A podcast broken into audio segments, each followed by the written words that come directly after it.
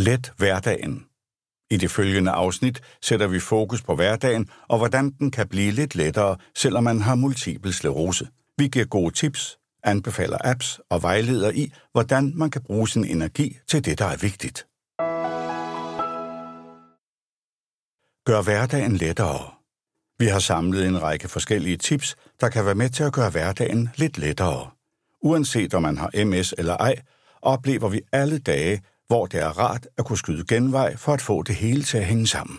Der er stor forskel på, hvor mange symptomer man har ved MS, både fra person til person, men også for den enkelte.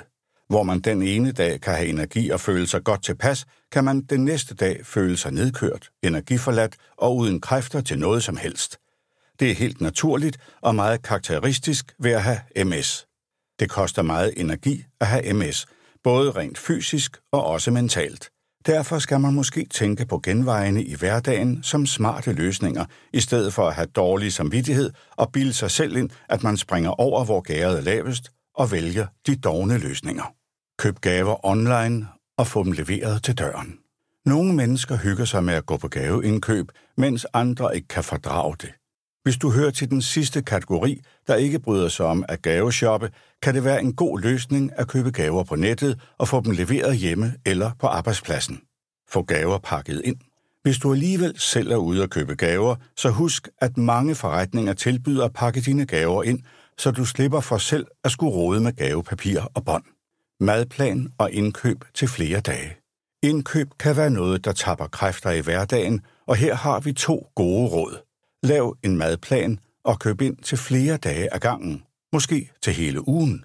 Og klar dine hverdagsindkøb via de mange dagligvarerbutikker på nettet og få dem bragt lige til hoveddøren. Udvalget er større, end man lige skulle tro, og mange netbutikker fører de mærker, du allerede kender fra supermarkedet. Men der findes også specielle netbutikker, der for eksempel kun fører økologiske varer eller nicheprodukter, der ikke hører til i traditionelle supermarkeders sortiment. Måltider i fryseren. Det fjerde råd handler også om madlavning. Lav store portioner, så du kan lægge et færdiglavet måltid i fryseren. Det er dejligt at kunne tage en færdig gryderet ud af fryseren og bare skulle tøtte den op, når man er virkelig flad efter en lang dag. Lav mad sammen med dine gæster. Hvis man skal have gæster, kan det også være en god idé at invitere dem til at komme i så god tid, at man kan lave maden sammen. På den måde kan man være sammen i køkkenet om et fælles stykke arbejde, og samtidig får du hjælp, så du ikke bruger al din energi på madlavningen, men stadig har overskud til at spise og hygge med dine gæster. Hvis du trods alt helst vil være alene i køkkenet, er en anden mulighed at holde et sammenskudskilde, hvor de forskellige gæster selv medbringer en ret eller to til det fælles måltid. Fælles aktiviteter. I det hele taget kan det være en god idé at invitere venner og familie til at gøre noget sammen, der kan være en hjælp for dig. Man kan for eksempel invitere til fælles havedag, rydde op på loftet dag eller måske hovedrengøringsdag. De fleste mennesker vil jo gerne hjælpe til, og for dem er det bare hyggeligt at lave eller udrette noget i fællesskab.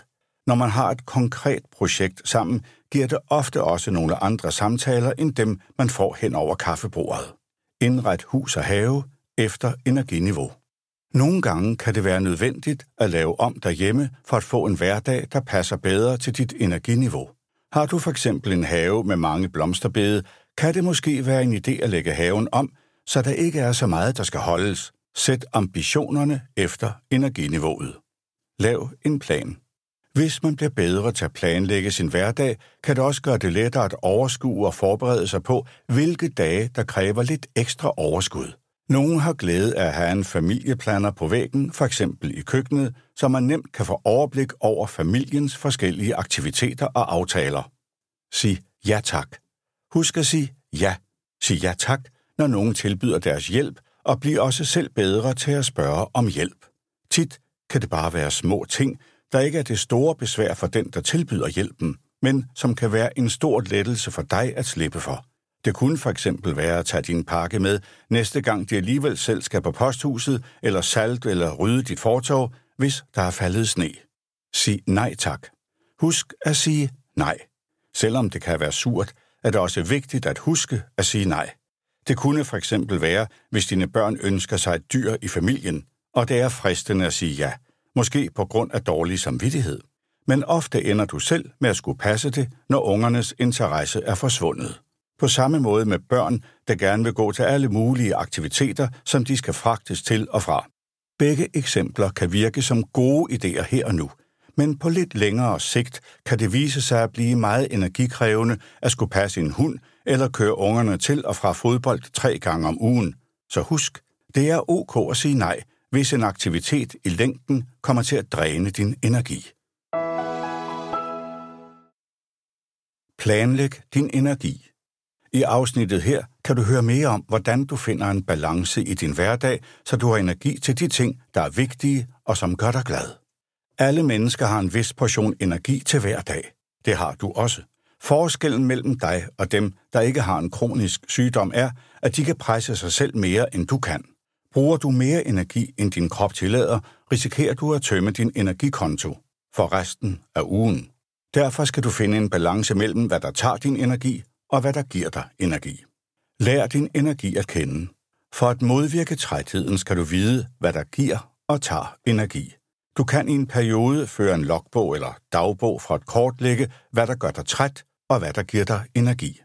I bogen kan du for eksempel notere, hvordan har du sovet i nat, hvad har du lavet, der gjorde dig glad, hvad har du lavet, der gav dig energi, hvad har du lavet, der gjorde dig træt.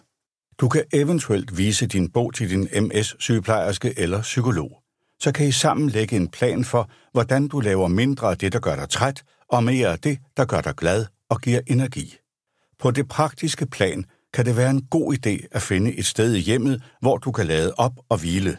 Hvis det er soveværelset, så undgå alt for meget rod og rent vasketøj, så du kan fokusere på at lade op og ikke få dårlig samvittighed over, at vasketøjet ikke er kommet på plads. Man slapper ikke ordentligt af, hvis man hele tiden bliver afbrudt, for eksempel af børn, der lige skal spørge om det ene eller det andet. Måske kan du lave et skilt og sætte på døren. Nogle børnefamilier med lidt større børn bruger et skilt med et ur, så børnene selv kan se, hvornår mor eller far er færdig med at hvile sig. Man kan også aftale regler for forstyrrelse. Er den anden forælder hjemme, er det her, man spørger. Hvis du har svært ved at finde ro til at hvile midt på dagen, er der mange, der har glæde af forskellige typer meditationsmusik eller apps med beroligende lyde, ambient sounds, som for eksempel regn mod en rude eller en bæks stille rislen. Der findes et hav af forskellige apps med både meditationsmusik og ambient sounds, og hvis du ikke har en smartphone, kan man låne musik på biblioteket. På apoteket kan man også købe musik fra Music Cure, der er komponeret af Nils Eje, særligt med henblik på patienter. MS på smartphone. Der findes et utal af apps til smartphones, der kan være en hjælp, når man har sklerose. Lyt med og hør mere om de forskellige kategorier og hvad de kan bruges til, når man har multiple sklerose. Hospitaler. Flere hospitaler har egne apps, hvor man for eksempel kan læse mere om afdelinger, personale og undersøgelser. Som regel kan de også hjælpe med at finde vej rundt på hospitalet. Søg på hospitalets navn, for eksempel Aarhus Universitetshospital, for at se, om det hospital, du er tilknyttet, har en app. Huskesedler. Elektroniske huskesedler kan være en god hjælp, så man hele tiden har sin huskeseddel ved hånden og ikke skal huske at få den med fra køkkenbordet, når man skal ud og handle. De fleste apps tilbyder også en delefunktion, så alle i familien har en opdateret indkøbsseddel på telefonen, når bare de har installeret appen. Søg efter shoppinglist eller to-do-list. Diktafon. De fleste mobiltelefoner har en indbygget optagefunktion, hvor man kan bruge telefonen som en diktafon og på den måde optage beskeder til sig selv. Det kan være en god idé, hvis man har vanskeligt ved at skrive, eller er i en situation, hvor man ikke kan skrive, for eksempel hvis man går tur. Søg efter Voice Recorder. Apps til fysisk træning. Der findes en app, som kan hjælpe dig med at træne næsten uanset hvilken form for sport eller motion du dyrker. Der findes også træningsapps, der henvender sig specielt til personer med kroniske sygdomme som MS. Søg efter træning, workout, yoga eller motion. Apps til kognitiv træning. MS kan påvirke de kognitive evner hos den person, der er ramt af MS. De kognitive evner er blandt andre evnen til at tænke logisk, koncentrations- og indlæringsevnen og korttidshukommelsen. Det kan hjælpe alle at træne og vedligeholde disse evner med det, man ofte kalder tænkespil, for eksempel Sudoku, kryds og tværs eller huskespil. Den slags spil hjælper med at holde hjernen i form og styrker de kognitive evner. Søg for eksempel på Sudoku, skak eller chess, cognitive, mind training eller brain training. Appen finder nærmeste toilet. Nogle mennesker med MS oplever symptomer i blære eller tarm, der gør, at man har brug for hyppigt at gå på toilettet. Men det kan være vanskeligt at finde nærmeste toilet, hvis man færdes et fremmed sted. Heldigvis findes der flere apps til smartphonen, der gør det nemt at finde nærmeste toilet. Flere af disse apps har også information om f.eks. tilgængelighed, opsyn og brugeranmeldelser af de enkelte steder med toilet. Flere apps virker også, hvis man er i udlandet. Søg for eksempel på WC Finder, WC Guide eller Toilet Finder. Bilkørsel. Når man har multiple sklerose, er det ofte en nødvendighed at kunne køre for at få hverdagen til at hænge sammen. Hør her, hvordan man kan indrette bilen, så man fortsat kan køre bil, selvom man har funktionsnedsættelser. Det er kun et problem at køre bil med MS, hvis man oplever symptomer, der direkte påvirker evnen til at køre bil, for eksempel synsforstyrrelser som dobbeltsyn, tunnelsyn eller nedsat syn, eller svimmelhed og voldsomme episoder med MS-træthed, fatig eller kramper. Som regel er der mulighed for igen at køre bil, når symptomerne er dæmpet, men det er en vurdering, som neurologen kan rådgive om. Til gengæld kan de fleste andre fysiske funktionsnedsættelser afhjælpes ved at ændre bilens indretning. Husk, kørekort, der har krav om særlig indretning af bilen, skal som hovedregel fornyes hvert andet år. Socialrådgiver ved Sleroseforeningen fortæller, der findes et utal af muligheder for, hvordan du kan indrette bilen, så du stadig kan køre, også selvom du måske er udfordret fysisk. Bare dit syn er i orden, og du kan orientere dig, resten er et spørgsmål om teknik. Hvis din fysik udfordrer din evne til at køre bil, kan forskellige indretningsmuligheder hjælpe dig. Du kan søge kommunen om økonomisk støtte til indretningen. I Danmark har vi nemlig den regel, at det offentlige dækker de udgifter, der gør det dyrere at have en funktionsnedsættelse, som for eksempel MS.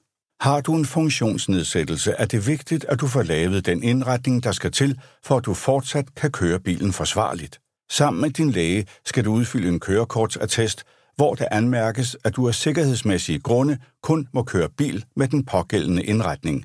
Vær opmærksom på, at kørekort med anmærkninger skal fornyes hvert andet år.